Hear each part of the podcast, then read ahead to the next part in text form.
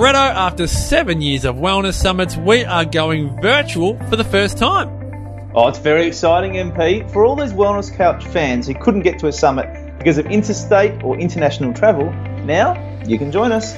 No border closures for this one. Join us from the comfort of home on September 11 and 12 for a day and a night of inspiring, uplifting, empowering information, insights, fun, and of course, a bit of frivolity. This is a wellness summit like no other. Imagine cooking dinner live with Jo Whitton from your very own home. Or joining in a group conversation with some of Australia's greatest thought leaders in health and wellness. The theme this year is Revolution, and you're invited to join us. Tickets are just 97 bucks. You'll receive lifetime access to the recordings and a stack of bonuses when you register. Proudly brought to you by Positive Mentor. The rundown, the speakers, and all the details are at thewellnesssummit.com.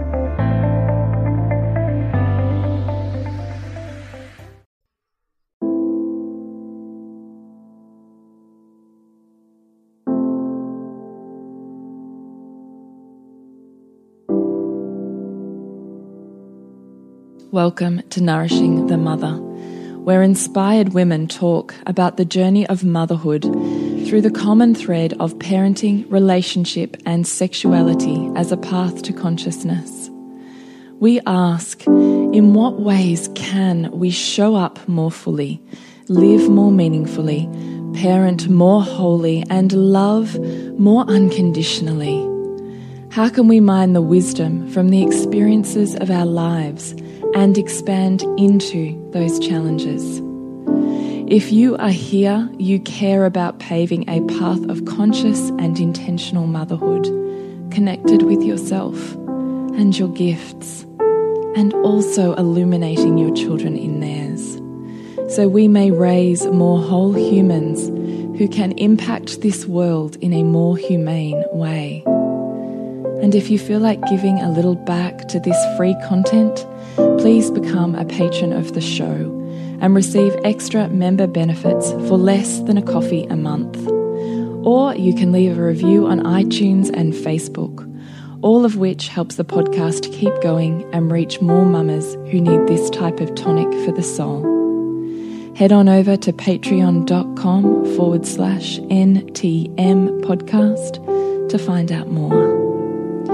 We are Julie Tenner and Bridget Wood, and we are so grateful you're here.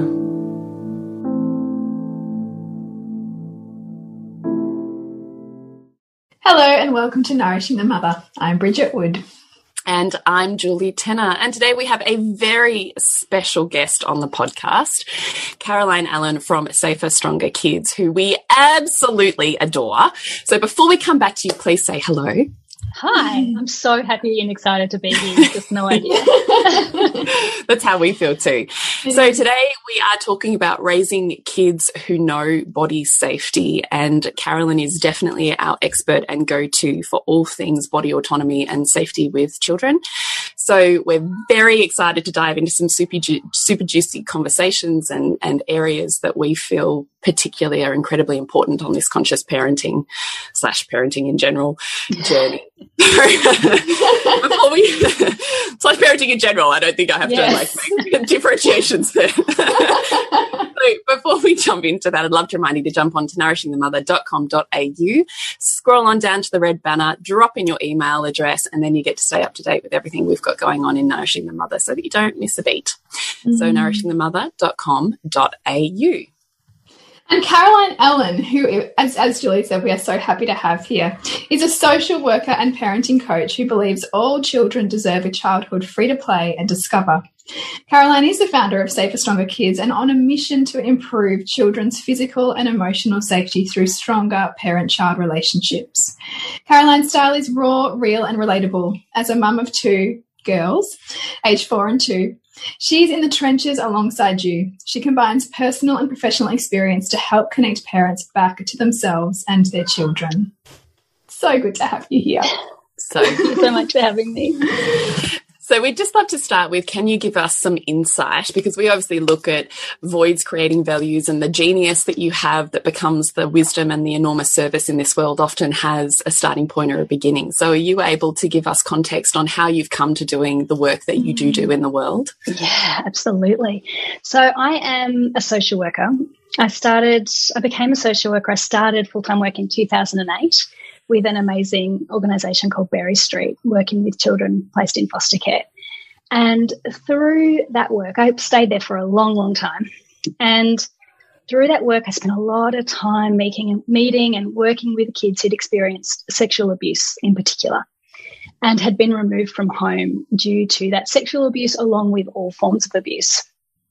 And because I was in that role for close to a decade, I had the opportunity to watch these kids grow up and really come to understand the impact on them and how pervasive it was, how it infiltrated into all the different areas of their life. So that gave me the start of a very particular passion, which was working out how we could work to prevent sexual abuse. Now, then I left that role and I had my first child, never stopped thinking about the kids who were who continued to be in, in foster care and going through these experiences. And then when I decided to re-enter the workforce, I actually found a role doing prevention work. So facilitating body safety sessions in the classroom for grade ones. And it was like divine intervention or something to find this absolutely perfect role that felt so good because the prevention it provides, the level of education and empowerment, the impact of it is immediate and it is lifelong for the kids who listen and receive this program. And so I would regularly have kids coming and talking to me about their experiences and seeing these light bulbs go off of realizing that what it was that was happening for them already was not okay. I'd have schools picking up the phone and calling me that children had disclosed abuse several months after I'd left the school because it had happened. They realized it was not okay and they had what they had that information. They knew that it wasn't okay and they knew that they could speak up and get help. I've had principals in tears saying, thank God we booked your program. so that program that I was running in schools mm. is an amazing program that's called Learn to Be Safe with Emmy and Friends, and it's run by an organization called Act for Kids. So I've now delivered that program to over 3,000 kids in the classroom. And so I feel like I've answered every possible question about mm. private parts and, and you name it. And, but then after I'd been doing that for a few years, I realized there was another layer as well, which is that we need to be teaching body safety in schools. We need for kids to have access to that message in that way. But we also need for parents to understand body safety because it's one thing to deliver the information at school, but then what about when they go home? If the messages aren't understood and reinforced, then it gets lost along the way. And we might even have instances where at home, kids experience the opposite message. For instance, they might be told, we don't want to listen to those feelings. We don't want to hear about if you don't feel safe. We just we just don't have time for this. It is okay. You're not the boss of your body. We are the boss of you. And those sorts of messages at home will only undermine the good stuff that's happened at school. So actually I started to transform the message and make it how can we deliver this for parents? And how can we move away from it just being a one off program that we do mm. to actually sending our kids these messages daily through our parenting? How do we actually come to have a family culture of body safety that exists in our home every single day, that guides our parenting decisions? That means we check back in with ourselves and go, is what I'm doing as a parent actually okay? Is it aligned to these values that are so important to me? Mm. So it was after I started doing that, teaching parents about body safety, that then I started to branch out into parent coaching as well, because then I realized that parents needed the skills to parent in this way. They need mm. the skills to be able to stop yelling and to respond to their child's feelings and to teach them about consent and to stop saying, I'm the boss, you just need to do what I say, and instead mm. be able to say, You are the boss of your body, I'm just here to teach you. Mm.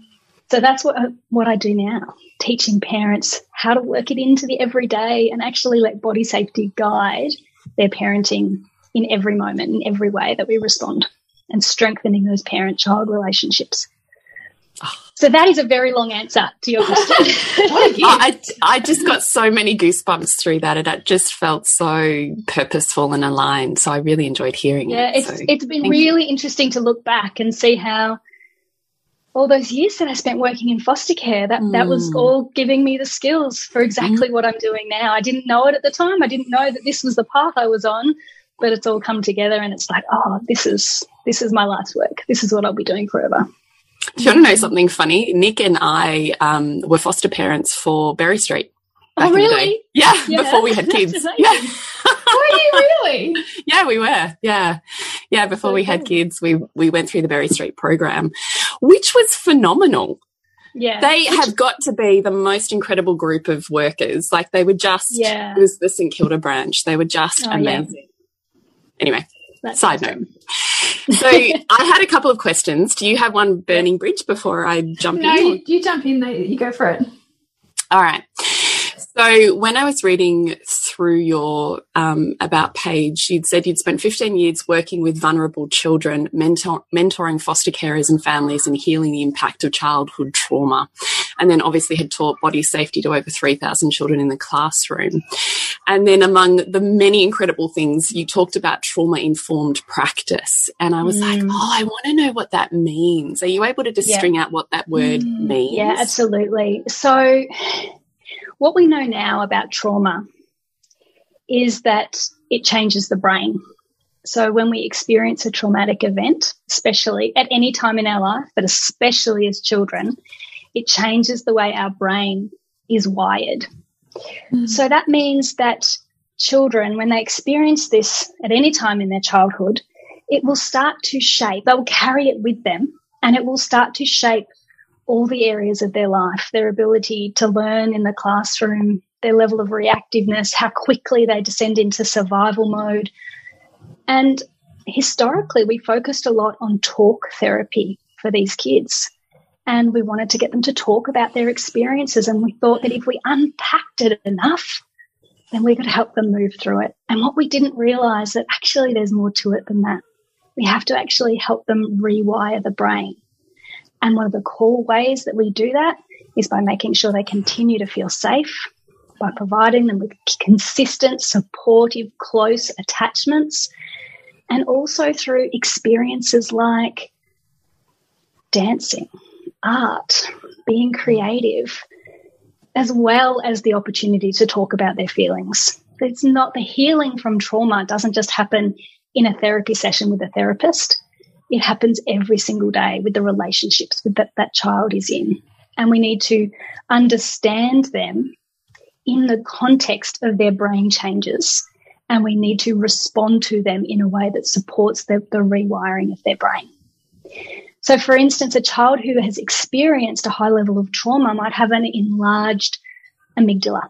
So, their amygdala, the fear center of their brain, will actually, because it's been overactive for such a long time, busy, really busy keeping them safe, it physically gets bigger. It's like a guard dog.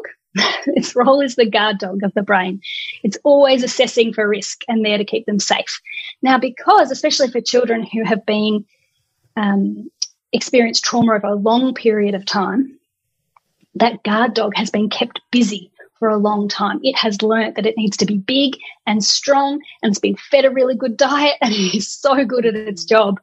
And what it does is it's there to keep them safe. So it's there to launch them into the survival responses wherever they need to.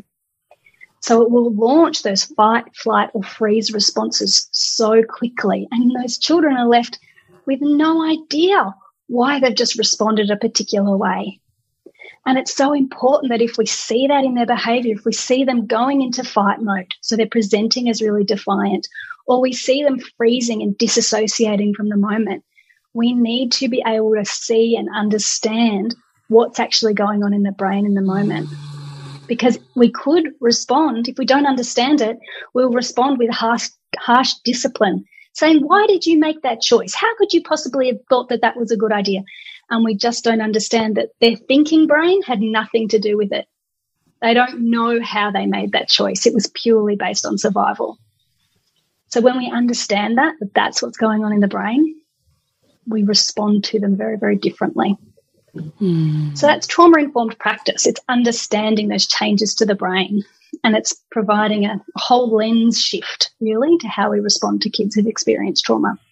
I love that analogy you use with the guard dog because it makes it so clear. Like, of course, it's like that guard dog is it's been really functional and helpful to a point, but now yeah. it's just like taking over everything, and That's it's the right. littlest and thing now.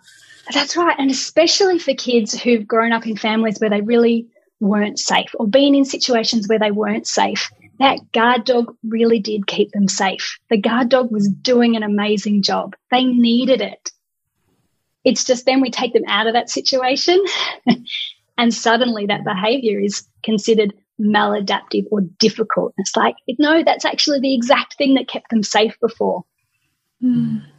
So yeah, I think visualizing it as the guard dog, and that the guard dog analogy is not just for kids who've experienced trauma. That's for everybody. so for as parents, our amygdala gets active too, and that guard dog is you know, often on alert. And for some people, it will fire up really quickly and it wants to keep us safe. So mm. even in our everyday parenting, when we feel unsettled or stressed and our limbic system starts to get active, the guard dog starts to fire up. And all of a sudden, we find ourselves in our survival responses in fight mode, yelling, and we don't know why am I yelling? Why did I lose it? we think, why, why did I overreact like that? And it's because the guard dog, our guard dog, has launched our survival responses as well. Mm. What do you think? I mean, I want to, we want to obviously move into body autonomy as well, but I just yeah. want to ask you because I'm sure there'll be listeners listening to this going, yeah, that makes so much sense. But now what do I do? What are kind of the core pillars of turning the guard dog into a puppy dog that lays in your lap? You know what? I think that the first thing to do is to understand that it's a guard dog and that it's there and it's trying to. I'm going to be a puppy dog. yeah, okay. because because it's the amygdala, so its job is to keep us safe. It's the amygdala when it senses a threat starts launching cortisol and adrenaline in the brain. It fires us up. So just understanding that its role is the fear center of the brain. It's the guard dog. Actually conceptualizing that helps us to understand what it is that's going on for us. And therefore, that's the, one of the key things that helps turn it into a puppy dog. Because suddenly we're like, oh no, I know what's going on. My brain is, my tr- brain is, my guard dog's trying to do the right thing by me, but that is not going to be helpful right now. So it's almost like we can chat to the guard dog. We chat to the guard dog, we tell it to settle down, we stay in our thinking brain. We say, hey, brain, I appreciate the guard dog, but what I re- really need right now is my thinking brain. Mm. And it just that conversation with ourselves is really important, paying attention to what it is that's going on for us, how we're feeling in our body. Mm. That's the biggest shift, being aware. So beautiful. Yeah. I love that. No, I really love that. So, body autonomy. What is body autonomy? Body autonomy is letting kids know that they actually are the boss of their body and that they have rights over their own body. Mm. To sum that up. it's very succinct. What impact do parents have on body autonomy learning? Oh, that is a big question. and, when, and, when, and when does it begin? Because sometimes I think parents think, oh, my child's three or four, should I start teaching these things? But can you explain when it begins? It It's actually something that doesn't begin, it always is. Mm. So it begins from it always is from the moment they are born. They are always the boss of their body. Our babies aren't that they are a whole person when they are born. They have rights from the moment they are born. And so so often as parents, we take shortcuts. We take these shortcuts because it's we're already under enough stress, we've got too much going on, and also because we don't have the tools to know how to do it differently. Mm. So shortcuts include things like just do what I say. You don't need to like it. You just have to do it anyway. Or I am the boss. get in the car now because I am the boss and I said so. Or get in the shower. I don't want to hear anything about it. So there were all these moments. So think about how often our kids mm. can hear that message. Like they have so little control over their, their own day. Mm. They have little control over what they wear, what they eat, whether they have a shower or a bath, getting in the car, how being buckled in. All of these things are done to them all of the time. And what we don't realize as we're busy doing all the things to our children, what we don't realize is that we're stripping away that autonomy, that we're sending them the message that things can be done to them and they shouldn't complain about it. And then if a child experiences sexual abuse, then we get surprised. we get surprised that they didn't know that they had the right to say no or that they have rights over their own body. It's because we disempower that all of the time. And I think so often we don't mean to. We don't mean to do that. But we do it because we don't know that there's another way. Or maybe we have an idea that there's another way, but we just don't know what it is. Mm-hmm. So we kind of disassociate. We go, oh, I can't really have that big an impact. It doesn't really make a difference. But the truth is that it does. It really, really does. So this leads into my next question, which is what happens when kids don't grow up knowing body autonomy and what happens when they do grow up knowing or body, body autonomy? Like what's yeah. the, the traje trajectory of that child's growth and development? There's a few different things. We know that children who grow up understanding body autonomy are less likely to be a target for sexual abuse.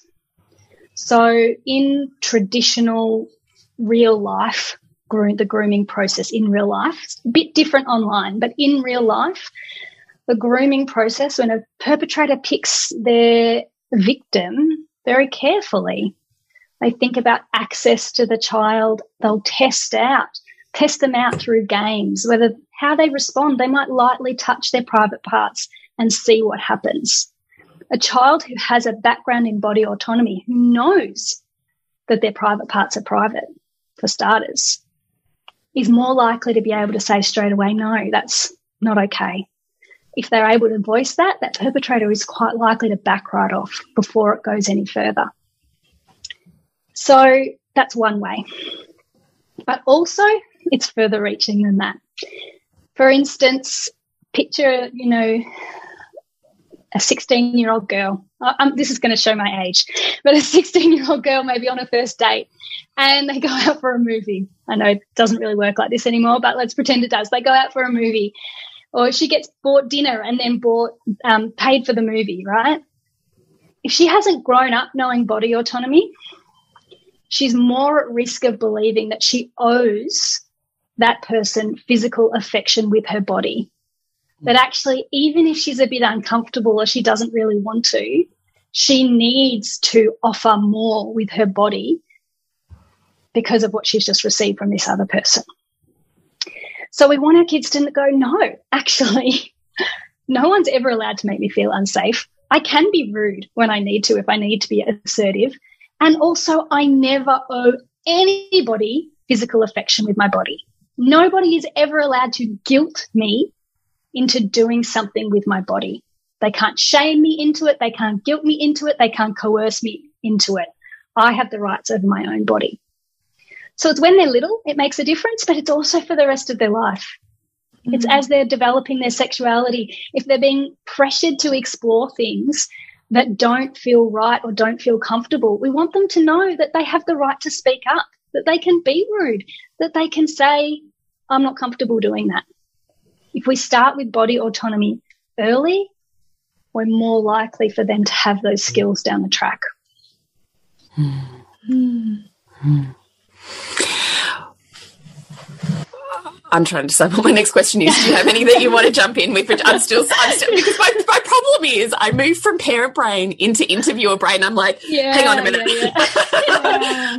got to sort my head out here. it's, it's also because it feels so huge. Like when we have it pointed out, it's just like, Oh my god, yeah, it actually weighs really heavily. Well, because I mean, because Julie and I have a constant practice of this stuff, but you also automatically go to all of the times where you slipped up. Yeah. Yes. Or, you know, like, and, and that is what is happening in my brain right now. yes. Well, I just I just voiced it for both of us because that's what happens, right? Because when we're in a rush, you know, we have to force them in the car seat, Absolutely. or when we're like, you know, angry and we like pull kids off each other or something, and we don't give Yep. them choice.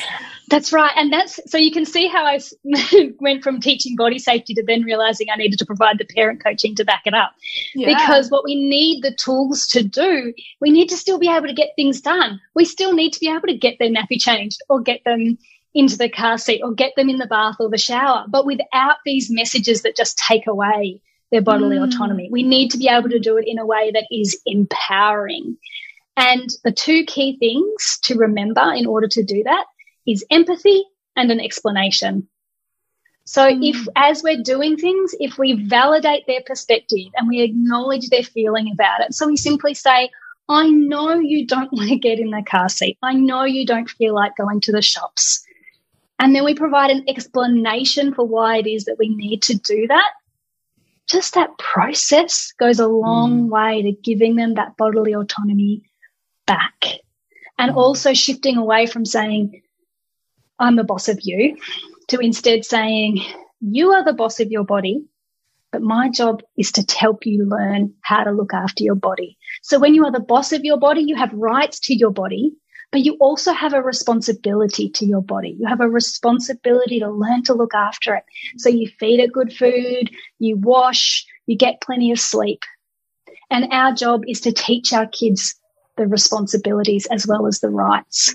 I really love that as a two piece process. because I think some parents, particularly if they come from a really attachment and potentially their own trauma, um, Yeah. they will be almost so afraid to um, encroach upon the body that, Yep. that then they'll almost be too permissive. You know, that that Yes, the child get the, the child, you know, because we'll get questions about like potty training because a, a child won't put their nappy on, for example. But Yeah. actually, part of teaching the child responsibility is sometimes I need to do things to your yeah, I've got to look after myself. Yeah. as yeah, and so that distinction is really powerful. I think to to see it Yeah, as a two part thing. That yes, yes, you own your body, but I also have a responsibility to help teach you how to look Yeah, after it. Yeah, that's right. And just simply by talking them through it, that is the key thing. Talking about their feelings, talking about their experience, talking about the why is hmm. really important. And we do, sometimes we just got to be able to set limits for our kids. And if we don't, if we're overly permissive and we, we, we're sort of hesitate before we step in, then that doesn't help kids feel safe either. Kids need boundaries. They feel safe hmm. when the boundaries are consistent. And for often for parents who are permissive, what will then happen is at some point their patience runs out. They mm-hmm. feel lost and out of control and like they don't know how to get it done. And then their guard dog takes over and launches their survival responses and launches them sometimes into freeze mode where they just mm. disappear or into fight mode where suddenly they're yelling. And then there's terrible guilt and shame because that is not the parent they're trying to be. So if we have the confidence to set the limit early and give them the explanation early, the empathy and the explanation, that can really help to avoid the guard dog hijacking our own brain. Mm. And how important do you see um, the parent cultivating their own body autonomy as important? You know, for ex- for example, not Mm. allowing a toddler to climb all over them, or you know, co- uh, you know, the toddler constantly wanting to be carried, for example. Yes. How important do you see that as a message? That is a great question because that is role modeling appropriate boundaries. When we have the confidence to say, again, with empathy and an explanation, that we're not comfortable with them sitting on our lap right now, we're demonstrating that we are the boss of our body. And we're also demonstrating that that boundary can be communicated and it can be communicated with love. Mm. It's so easy to slip into thinking that boundaries are bad. You know, that if we have boundaries with our kids, we set limits with them, then that's quite authoritarian. But mm. it's not. It's being authoritative. So, so often we think there's only authoritarian mm. parenting and permissive parenting. We forget the one in the middle because it has an awkward, hard to say name. but that authoritative parenting is where we want to be, where we can set boundaries. We set them early before we get irritated, before our guard dog step starts to fire up. And we set them with empathy and an explanation. And it role models boundaries so that when they get older, they can set boundaries with empathy and love as well. And they, they know they can do that with their friends. And it doesn't have to mean the end of a friendship. They don't have to give, give, give of themselves until they're exhausted and they've got nothing left. They can say no and they can say it with empathy and love for the other person. And that that actually is respecting the relationship, not destroying it. Yeah, beautiful. So I, I just want to really positive role modeling. Sorry. No. I was going to say, one of the things that often comes up in our group too is, for instance, where um, 98% of our listenership is mums. Yep. So often the conversation gets a little bit sticky for them when they might have a new baby who they're they're moving through body autonomy processes such as I'm going to change your nappy now. Yeah. I'm going to take your pants off and this talking through the process involving body autonomy and parts and processes. Yeah. And then it gets a bit tricky when having that conversation with partners who are like, oh, this is ridiculous. They can't understand. Why are we, this like lengthens this process by like 20 minutes. Yes. I'm not doing it. it. yeah. Yeah. So I was just interested in how you approach that conversation and dynamic with the partner. Yeah. Or, yeah. I think it's about providing the evidence. It's providing the evidence that says, I know that this seems silly now, but we're building a foundation for the future. Them knowing the boss of the, that they are the boss of their body isn't something that we just get to introduce down the track. If we want it mm. wired into their brain, if we want it to be the lens through which they see the whole world, then we've got to start it as early as we can. And I know it's annoying, but it's not that hard to just talk to our kids as we do things. So mm. they take a breath and it's a shift. It is a shift from previous generations. And so it rubs up against something because it's like, mm. we haven't done this before. This wasn't done for us as kids. What mm. difference does it really make? But the research, the evidence shows us that it does. Yeah. And I, yeah. Sorry, you sorry, go. I was just going to say that I've come up with this analogy recently, which is that if you were going in for brain surgery, would you want that surgeon to operate based on the latest research, evidence, mm. and what he has learned recently in his training? Or would you want him to operate on your brain based on what he learned about the brain in primary school? Such a good. Of analogy. course, you would choose the evidence. Of course, course, you would choose the research. And yet, with our parenting, we kind of just think it's okay to parent the way we were parented, that we experienced in our childhood. We resist looking to the research, we resist generational changes, but yeah. they're inevitable and they're important and they're okay. I so support that. But can I ask you a sticky question? Yeah, that sure. extends from that. Yes. The old adage, well, you were smacked and you turned out okay. Yes. about that. it, yeah. my response, I hear that from my mum often. oh, well, my response is actually not very, not so kind. It's actually quite a firm boundary. Neither is mine. Say, go. my response is to say that if we're still thinking that if we're thinking that it's okay to use violence to teach children a lesson, then that would demonstrate that we're actually not okay. Mm. That we wouldn't use violence, we wouldn't smack an elderly person who wasn't doing what they were asked. we wouldn't smack our partner if they weren't doing what was asked. We are not allowed to smack a dog. Why mm. on earth would it be okay to smack a child? Mm. Our children deserve better than that. And we can mm. do better. And yes, we all make mistakes. We all slip up. Sometimes our guard dog takes over our brain. We're going to make mistakes. But mm we can come back to if we're thinking it's okay to use violence and that that's going to teach a child a lesson and that would indicate that no, we are actually not okay. I actually really adore that sentence. I think it's fantastic. So thank you for that because I'm going to tuck that one away in my head too. Can I just ask you also on that is yelling because it seems to me that in the conversations we have around parenting, there's a bit of contention, I suppose, around whether yelling is really an act of violence or not. Yeah. What are your thoughts on that? So, I think that if when a child is upset, we've got to picture their limbic system being really active. If we then come over them and remembering that we are bigger than them and we raise our voices, we start yelling, we escalate the situation. what we do is in their brain, they release cortisol, the stress hormone, and they re release adrenaline. They launch into their survival responses. So they will launch into fight, flight, or freeze. So fight would look like defiance. Might look like turning around and hitting you. And so your yelling has escalated the situation. They were already upset. Now they're hitting. And then we take it further because we think, well, you're just disrespecting me even more now. And we fail to see that actually their brain is just trying to keep them safe.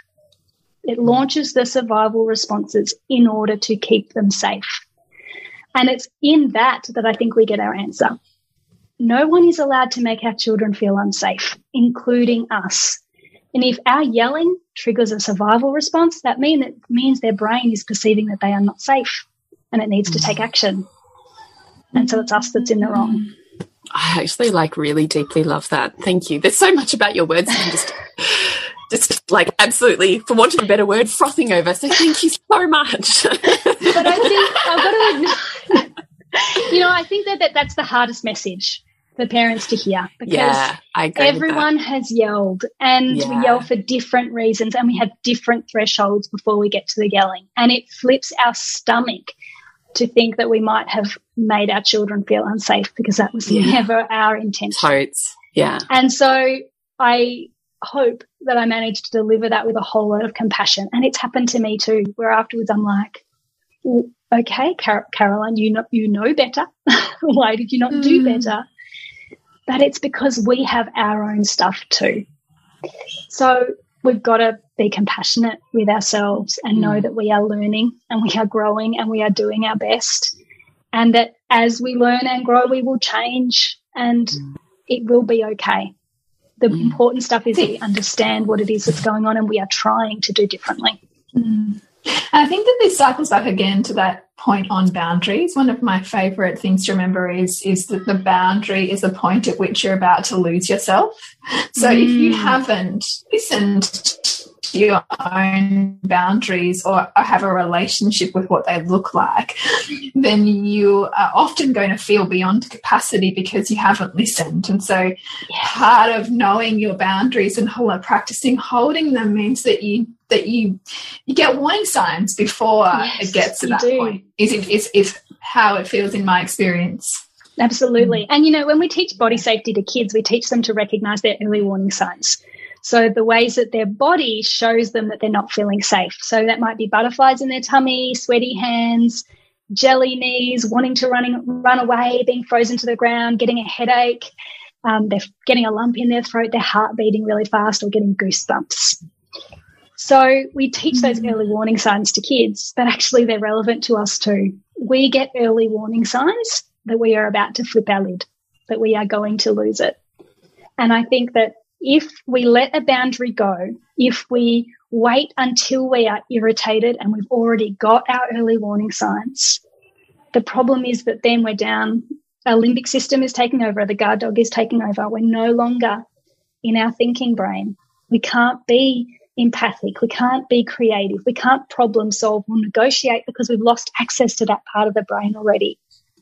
So that's mm. why it's so important to go when it comes to setting boundaries we need to have the confidence to set them early before we get our early warning signs, before the guard dog starts to hijack our brain, because mm. only then will we be able to use that thinking part of our brain and mm. respond mm. in the way we want to. Can I just ask, in terms of, for instance, when we um, behave in a way that we now feel shameful or regretful about, what would you advise for a repair process? So, in terms of repair with our kids, yeah, just own it. own what it is that's happened.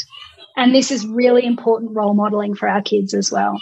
When we do this, when we make a mistake, actually we get an opportunity. We get an opportunity to show them that it's okay to make mistakes, that we're all human and we will all make mistakes sometimes. And we get the opportunity to role model then what we do. How do we repair the relationship? So mm. go to them and just say, I'm so sorry I yelled. I actually don't know what came over me. Mm. And in that process, we take responsibility for our feelings. Our feelings are never our child's responsibility, they are always ours. Mm. So if we lost it, it's not the fault of our child. Our feelings are our responsibility. So we own it and we show them, I'm sorry that I lost it. I don't know why I did. Yeah. That's owning it. It's taking responsibility. It, rather than saying, you made me. Because mm. they didn't. It was it was actually our choice. What unfolded was our choice. Mm. And I think that actually they do learn positive things from that because they're going to make mistakes down the track too. So they need the chance to see that that is okay, that it happens to everyone, but doesn't mean we're a bad person. And they get the opportunity to learn how to apologize. Mm, so it's not yeah. no, I love that. And I take that and I and I take that to the I was say that they take that out into the playground, right? So that then yeah.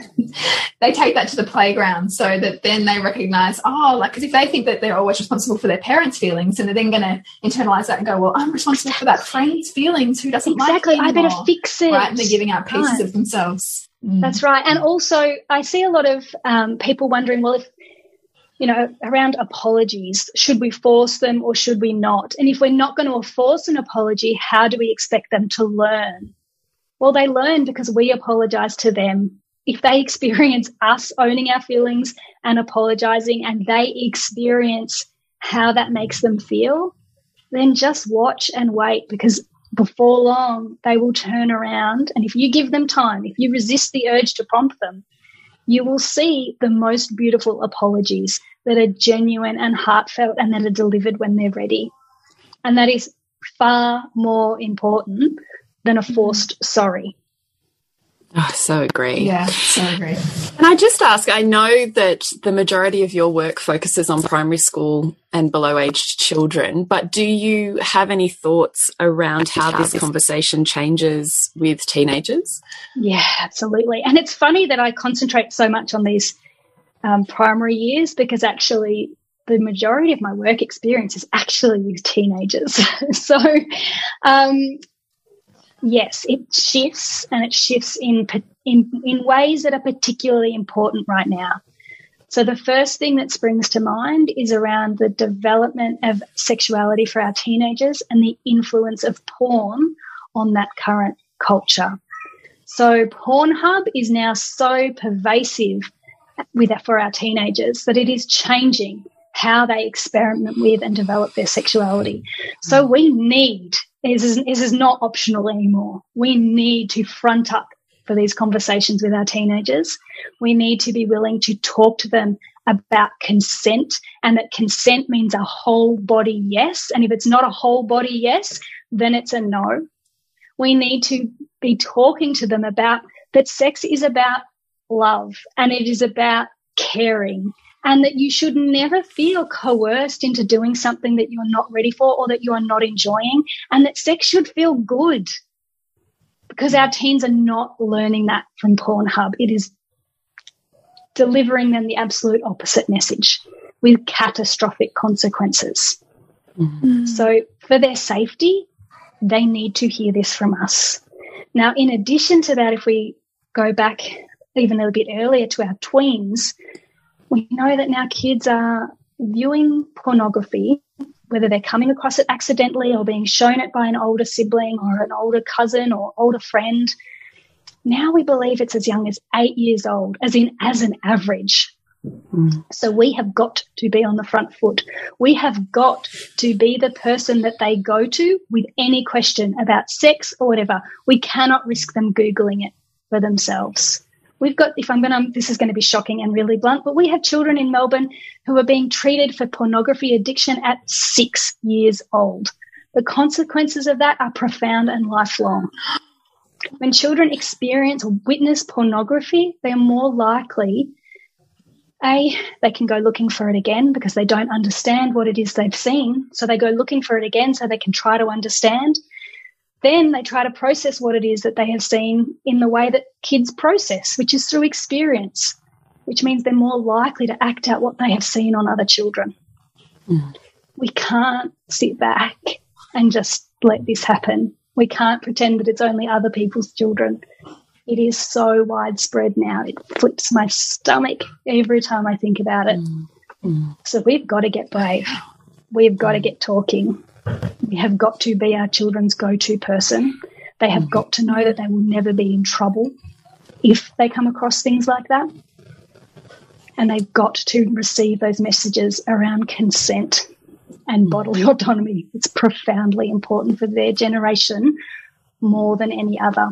And while I'm on this rant, really important to stop and know that the pornography that is available now is not the pornography of previous generations. Mm. The porn industry has progressed in order to keep people watching, to maintain a sense of novelty. The porn is getting more and more hardcore.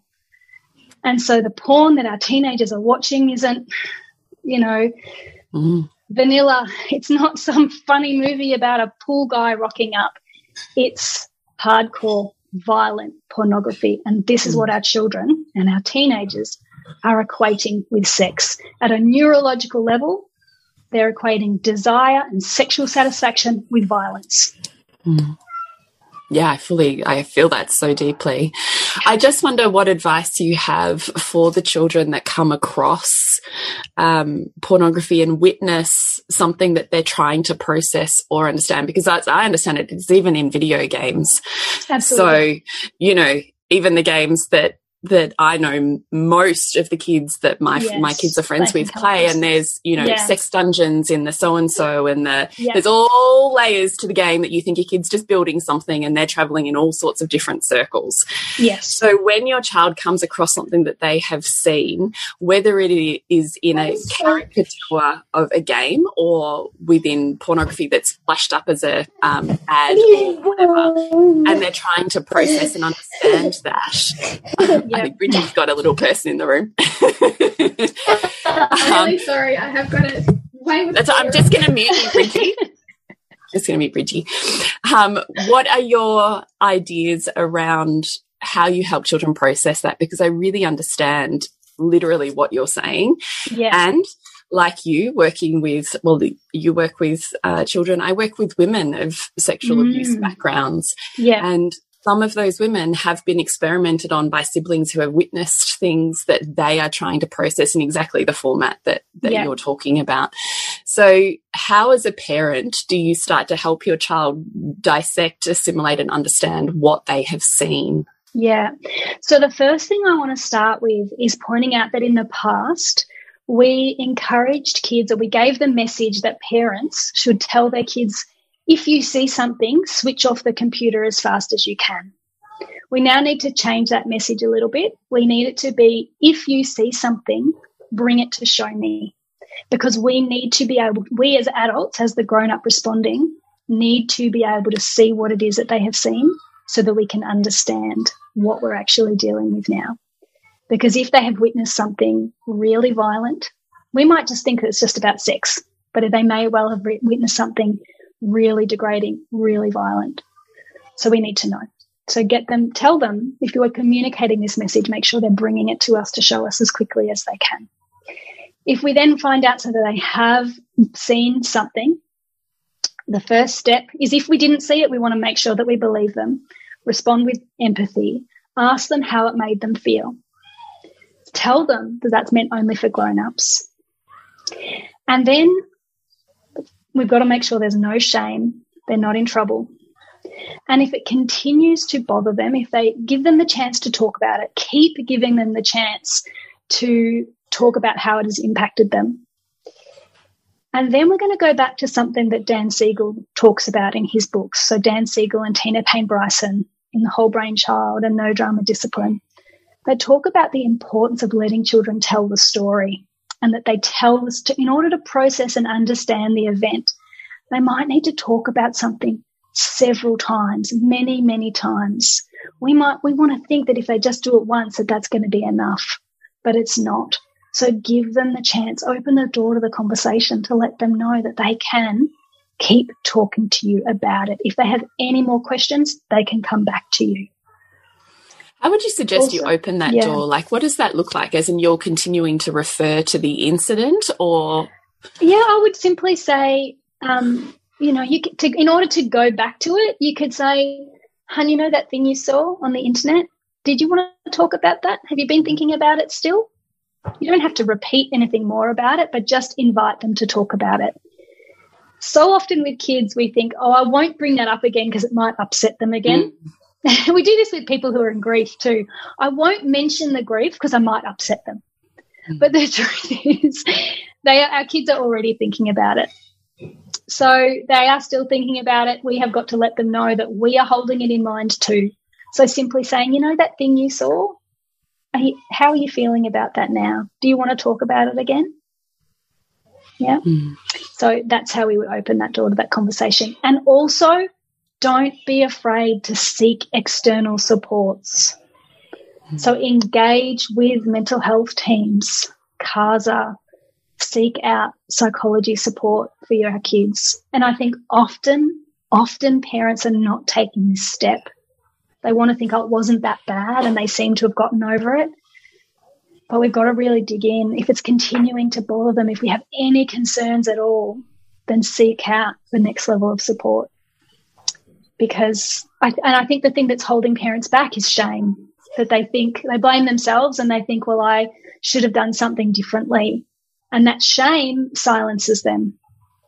But we can't afford to do that. We've got to be willing just to go, this is what's happened. Who can help me? I really love that. Can I ask you? My next question would be for the parent that perhaps um, this hasn't been part of their understanding inside or language from newborn and perhaps there's some way into their journey of parenthood. Mm. How would they begin to approach opening up, diving into wanting to do better in yes. body autonomy? The first thing to do is to start flipping your language. So when you notice yourself saying something really directive, like I'm the boss of your body, put in the replacement words. You're the boss, but my job is to teach you. I'm here to help you learn. Give them the why, the empathy, and the explanation. So just start doing that. Now, with older kids, so for instance, if our kids are probably six or older, then I would have a conversation with them about it. Tell them what it is you have learnt and what that means you're going to change. So tell them, I've learned that actually you need to know that you are the boss of your body and that that's really important message for you to know for the rest of your life. So I'm going to start saying things differently to how I always have. And sometimes I'm going to slip up because old habits die hard, but I'm going to do my best. So be really transparent with that change. Bridget, are there any questions you would love to ask Caroline before we do our quick fire? Um, I know that you've got a bunch of other resources on your website that can really help parents. And I think, particularly for those parents whose children are spending a lot of time online, perhaps feel pretty anxious about some of the things you've talked about with regard to porn. Mm. What are some of the other resources? Because you've got, I know, like a safe sleepovers guide, for instance. What else can parents find that you offer um, for them to I guess dig deeper into this and understand some boundaries they can put in place yeah, practically absolutely. around around screens too. Yeah. So I have a course called Get Smart, which is an online course and it comes with it's it's 8 weeks long and I do a session per week. It also comes with an accompanying workbook. So it has information sheets so that if you get nervous, you could just read them out. it gives you the words to say to your kids to teach them all of the core areas of body safety and as well as online safety. Mm. And it then also has um, it has notes for the parent. Then it has an information sheet to read out to kids, and then it also have, has worksheets for kids to do alongside their parent to facilitate their understanding, to, to further the conversation, and then also to help them retain it. So that Get Smart course is really popular. It's it scares people sometimes. I think they think it's going to be really hard or really confronting, and often they're relieved and they go, "That was so much easier than I was expecting." we spend so long avoiding these topics, thinking, "I just can't go there," and then when we actually do, we discover that it's actually not so bad and not so scary after all. Mm. So I offer that. I also do presentations for school groups, as in for parents via schools. There's also one other resource that is not something of mine, but I really want to encourage everybody to watch, which is to jump over onto a Facebook page, a Facebook page called Our Kids Online and look for their documentary.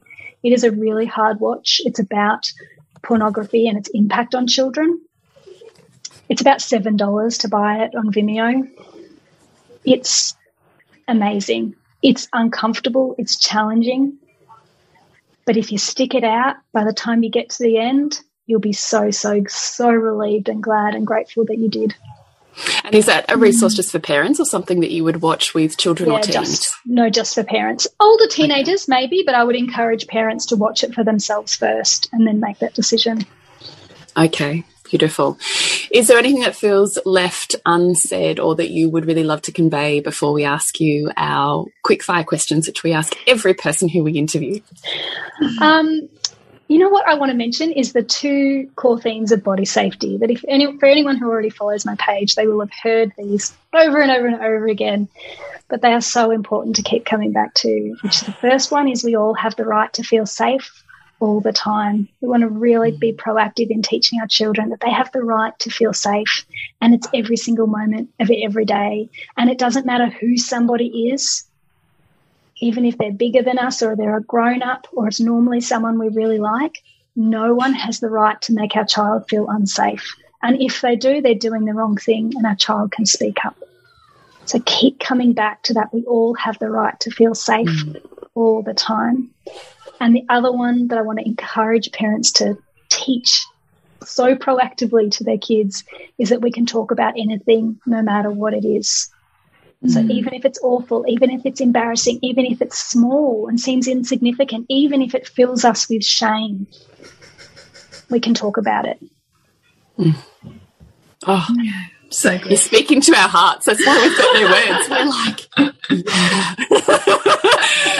Amen, sister. it's one of those moments.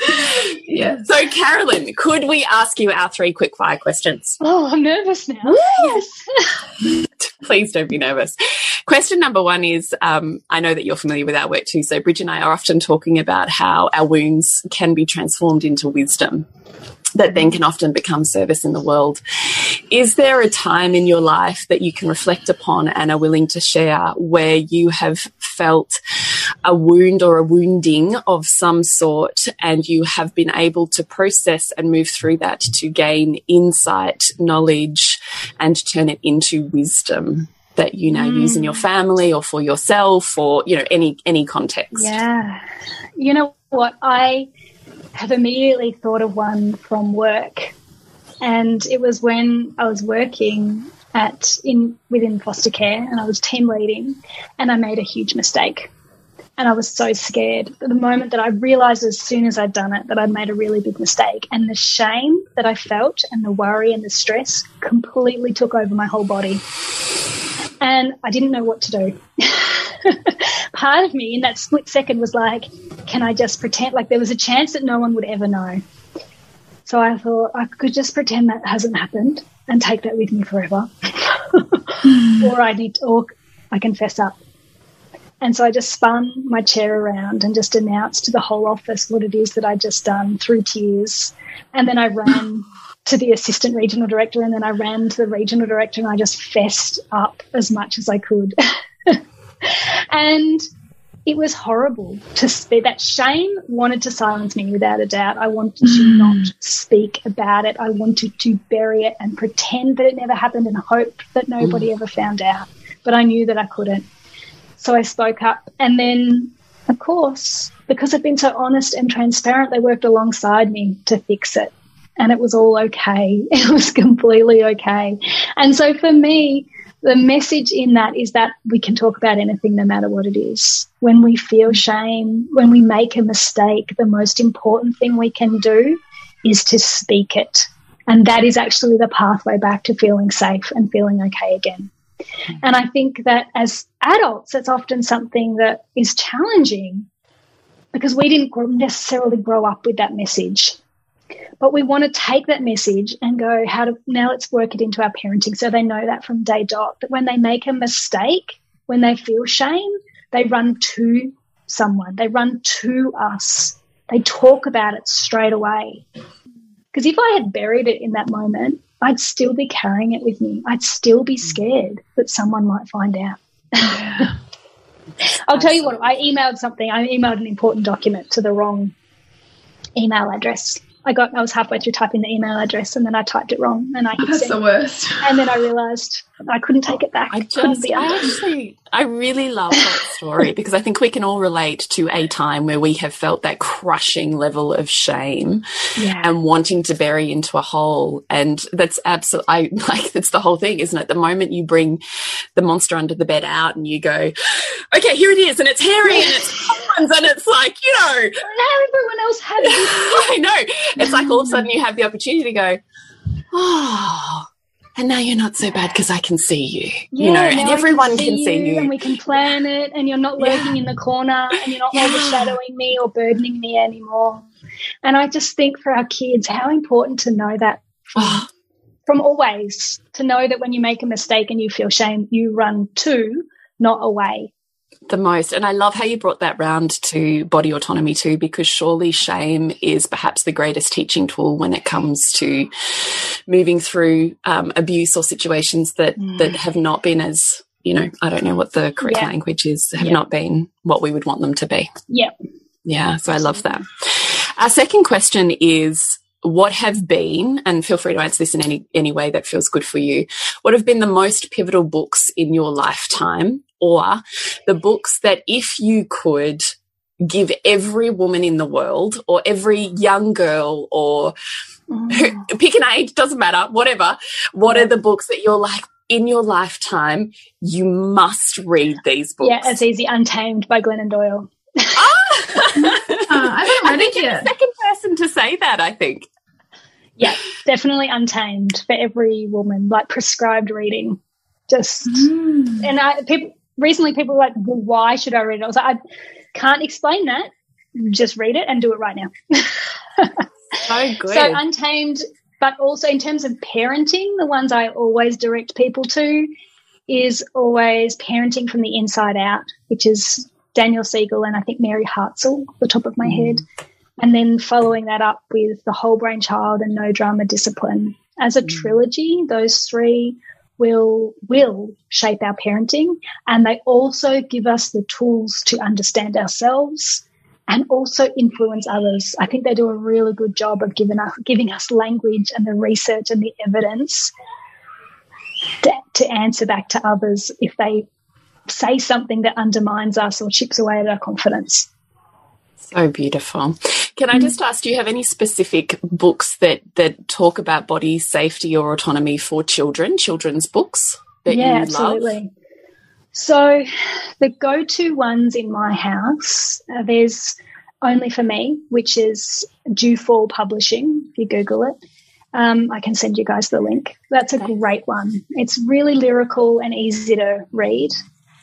The other one is Everybody's Got a Bottom, which I think, off the top of my head, I think it's Tess Rowley. And that one is really clear in laying out the body safety rules. And it also has the saying, it's repeated over and over from my head to my toes, I can say what goes. And kids love that. It's easy to remember, it rhymes, and it sums up that body autonomy message so clearly. Mm, so beautiful. Thank you. I actually don't have either of those, so I should be getting them. The other And- websites I'll direct people to is um, so Holly Ann Martin, who is who her Facebook page is Safe for Kids, the number four. She has a lot of great books, and, and then also Educate to Empower, the number two. Go to their Facebook page. There's a lots of resources on there as well. Thank you. And our last question is if you could have a billboard on any major superhighway in any part of the world, what would your billboard say? We all have the right to feel safe all the time.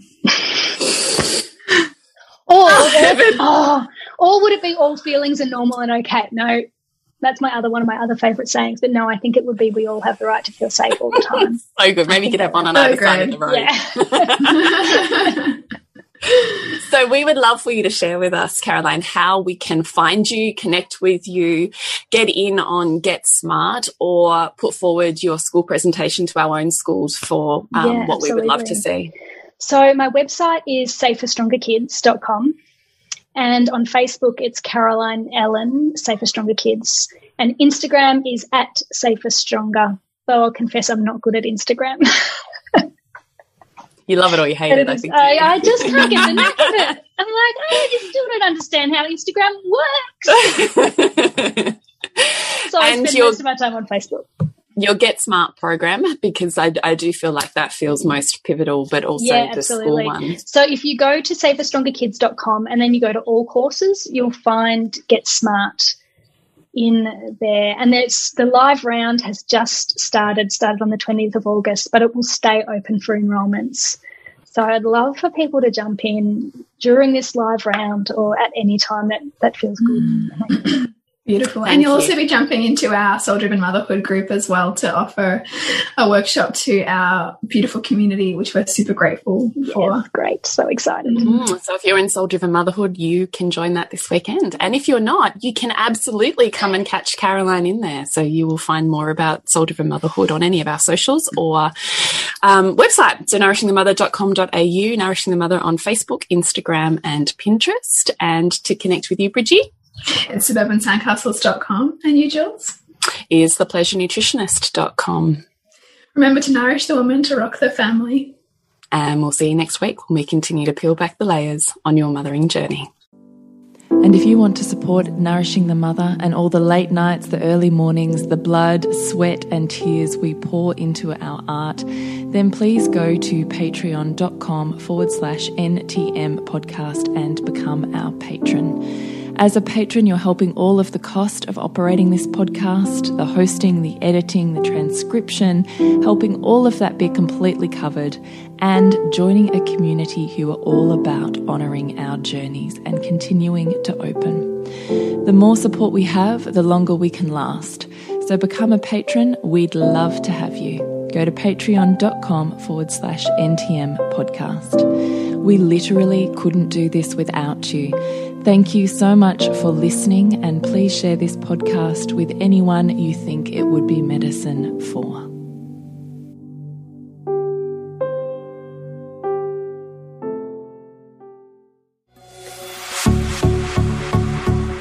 This has been a production of TheWellnessCouch.com. Check us out on Facebook and join in the conversation on Facebook.com forward slash The Wellness Couch. Subscribe to each show on iTunes and check us out on Twitter. The Wellness Couch, streaming wellness into your lives. Whilst the Wellness Couch presenter endeavor to provide accurate and helpful information to their listeners, these podcasts cannot take into account individual circumstances and are not intended to be a substitute for health and medical advice from a qualified health professional. You should always seek the advice of a qualified health professional before acting on any of the information provided by any of the Wellness Couch podcasts.